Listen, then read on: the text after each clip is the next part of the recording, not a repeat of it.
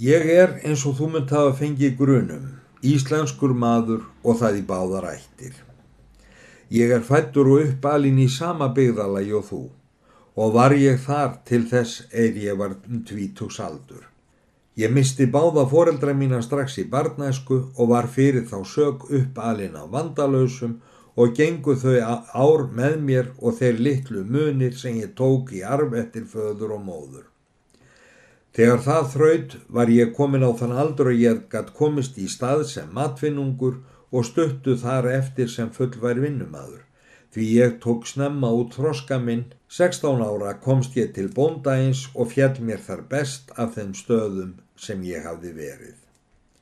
Bóndin, húsbóndi minn þar, var mér góður, að öllu skapfeldur og þó var það ekki það eina sem gjörði mér veruna þar ánægulega.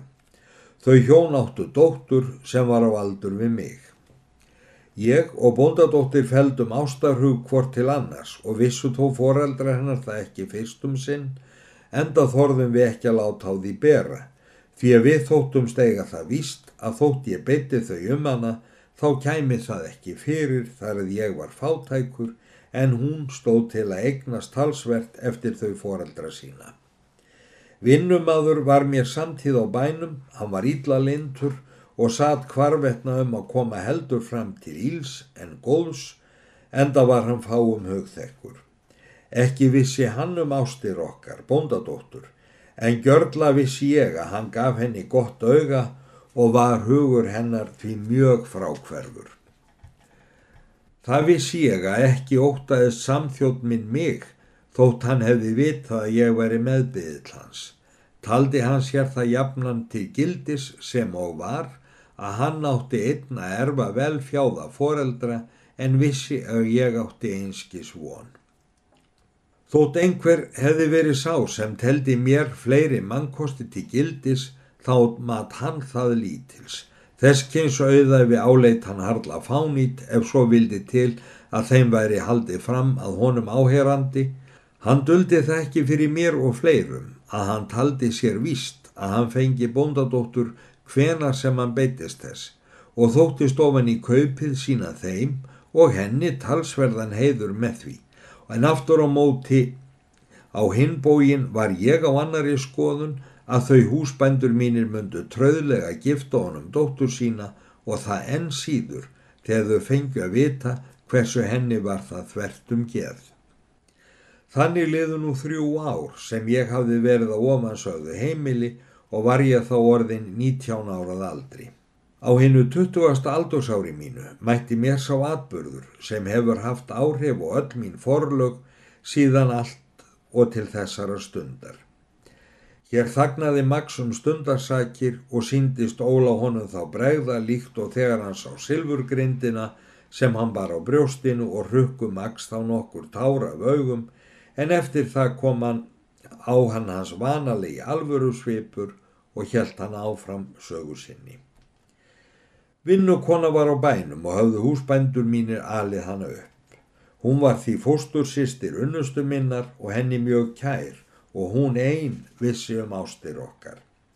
Eitt dag snemma veturinn vildi svo til að vinnumadur sá sem áður er frá sagt kom óvörun þar að sem þær fóstursistur stóðu saman á afveiknum stað og let hann sem að sæi þær ekki og fór leiðar sinnar.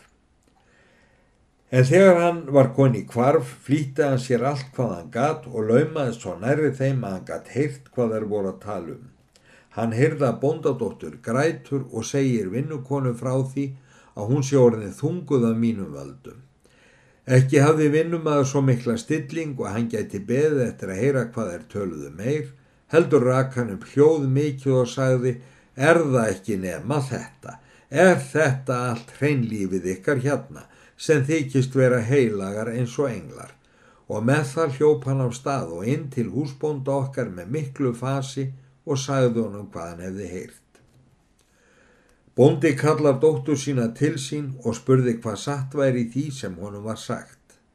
Það má nærri geta hvað þeim fóstursistrum hefur orði við þegar þær urðu varar við vinnumannin.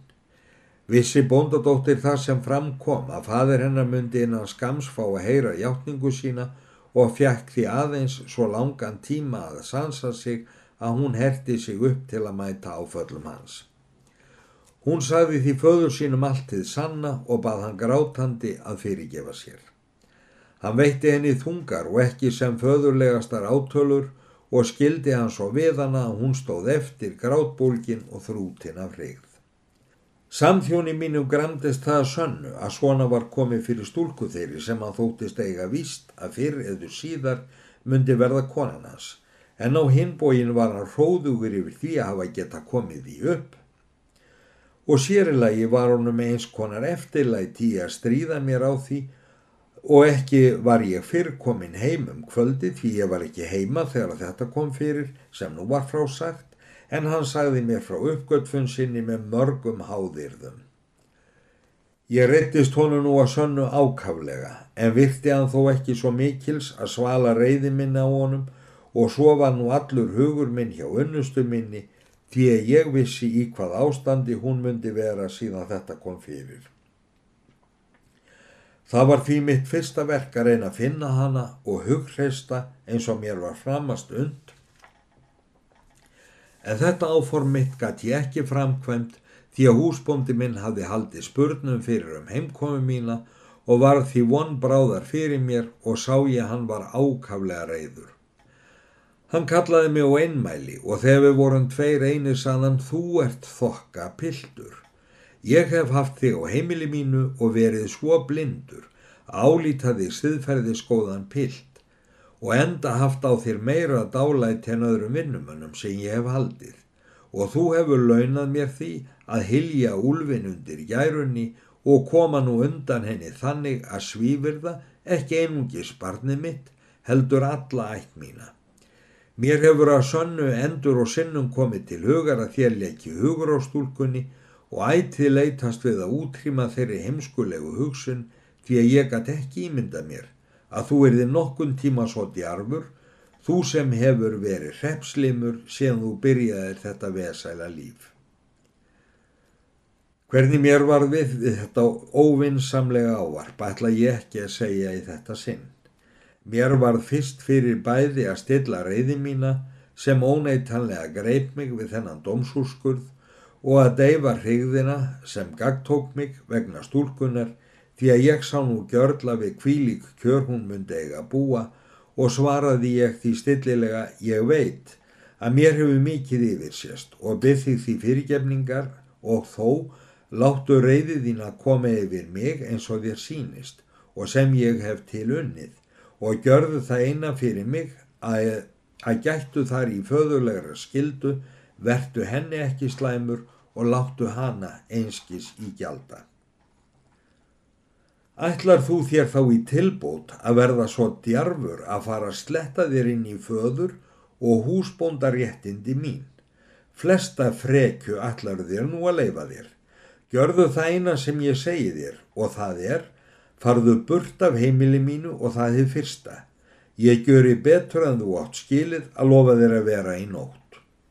Á morgun skaltu fara hérðan alfarin og senda mér annan mann í þinn stað en innan þryggja daga skaltu vera búin að flytja hérðan það litla sem þú átt og verður þú ekki svo djarfur að kvelja eh, mig um það sem þú kallar þig eiga eftirstandandi af kaupgjaldið þínu.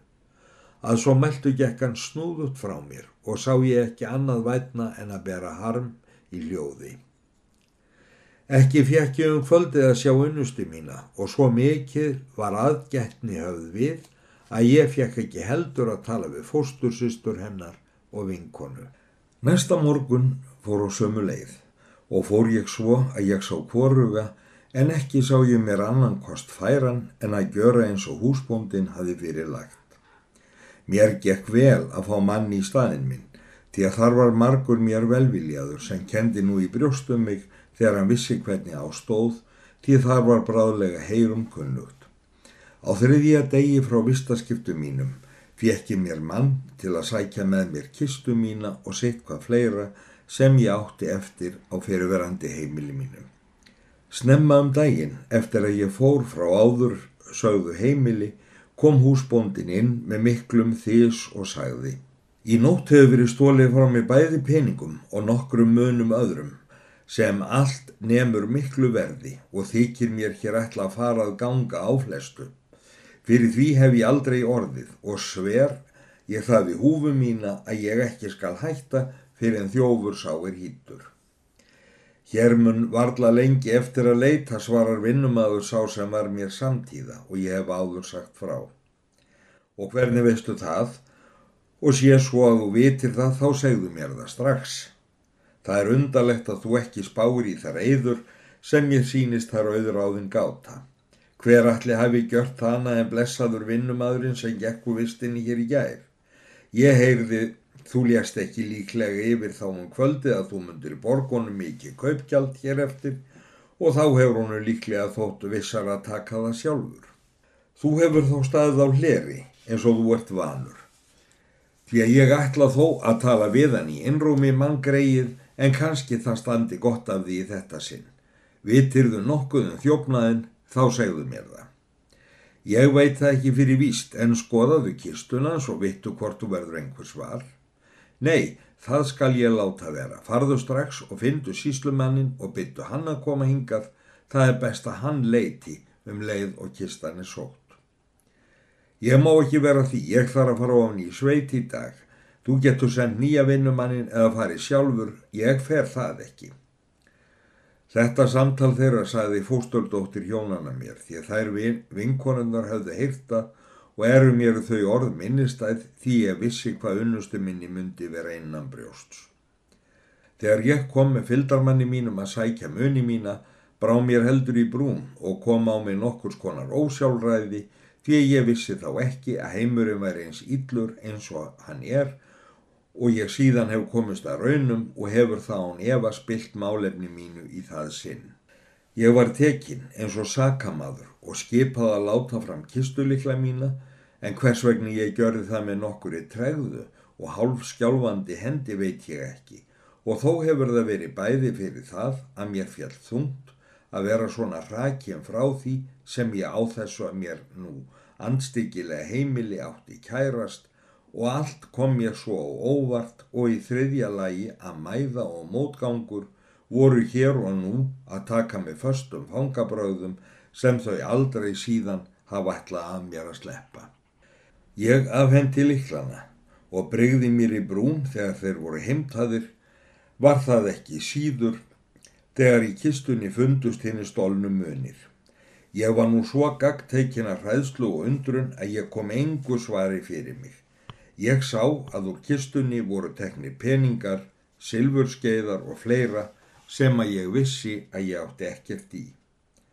Eftir þetta var ég tekinn fastur og hafður í varðhaldi lengi vetrar og yðurlega yfirherður en gatt aldrei öðru svarað en hinnu sama að ég væri saklaus og hefur það vist tótt vera auðfyrðileg afsökun því að nokkru eftir sömarmál var mér byrtu svo látendi dómur að ég skildi straffast sem þjófur. Að eigða fleiri orðum að því fyrir þér, Óli, hvort ég er sekur eða síkn af ábyrðu þessum, er langt frá mér að vilja eður gjöra, en hitt hef ég allatíð sagt og segi enn að hann sem allar réttvísi elskar og sem einn þekkir allt það marga sem enn er og sölið, hann mun síðar dæma málmitt og auðlýsa sannleikan. Að fyrverandi húsbóndi minn hafi borið fjö í dóminn veri langt frá mér að voga að segja en það sagði unnusta mín mér að honu væri mjög ídla við mig. Ég gæti nefnilega næstum eins oft og ég vildi komið til hennar og fengi frá henni bref og nutum við að því fóstursistur hennar sem aldrei bara trúnaði við, sínum við okkur meðan við þurftum á því að halda. Ég fullvisa þær um sakleysi mitt og vitnaði þar örugur til Guðs og er ég sannfærður um að þær trúðu söguminni að minnstakosti til hinn síðasta því að þá varði efablandin um það þegar mér barst skömmu eftir að ég var dæmdur hinn síðasta og þingsta harmafregnin sem ég fekk á Íslandi sem var svo að unnusta mín væri lögst á barsæng sem þó hafði borið nokkru fyrr að en eðlegt var og andast tveim nóttum síðar. Ég hafði að sönnu alveg sleft þeirri von að ég fengi að njóta hennar því að þótt hún hefði ekki látið þannig óhappa atbörð verða því til hindrunar að svo miklu leiti sem í hennar valdi stóð þá var langt frá því að ég vildi vit, vita henni þá óþólandi neysu að giftast dæmdum þjóf, en ég huggaði mig samt við það að við fengjum bæði að lifa þá stund sem leiti sakleysi mitt í ljós. En þegar ég nú sá að við ekki gátum notið þess sameiginlega hér í lífi, þá harnaði hagur minn að öllu leiti og ásett ég mér með hverju móti sem það gæti skeð að umflýja hegninguna og hefði ekki hugsað mig um eitt augnablík um að fyrirfara mér heldur en að þóla svífyrðilega hegning og óverðskuldað ef drottin hefði ekki forðað mér frá því með því að blása mér öðru ráði í brjóst. Ég hafði frá barnæsku eins og fleiri þar í sveit, kynni, við útlenda fiskimenn, þar á meðal var skipherra einn sem komi hafðu mörg ár samfleitt og allatíð var mér mjög velviljaður því að ég kom oft fram á skip til hans og færði honum oftast eitt eður annað smávegis sem honu þótti væntum. Hann beitti mig ofta að koma með sér heim til sín og sæði skildi gjöra vel við mig. Þetta sama vor hafði ég nokkrum sinnum séð skip hans þar skamt undan landi því að ég þekkti það gjörla. Það var því fastur ásetningu minn að þykja nú bóð hans ef hann vildi nú sem fyrr taka mig og ef svo bæri við að hann kæmi það nærri áður en sá tími kæmi að ég ætti að taka út tekninguna. Það leið ekki á löngu þanga til ég þekkti skipið skamt undan landi. Ég fór því til vinnar míns þess eina sem ég þorði að trúa fyrir áformi mínu og bað hann að finna skipherran fyrir mig því sjálfur var ég sakamaður, ekki svo frjáls að ég gæti það og tjá honum greinilega frá högum mínum og bera fram bæn mína að fá að fara með. Til þess var vinnur minn fús og kom hann aftur með góð erendislokk, höfðu þau samið með sér að hann skildi næstu nótt, vitja mín á afveiknum stað og taka mig ef ég erði komin með það sem ég vildi hafa með mér.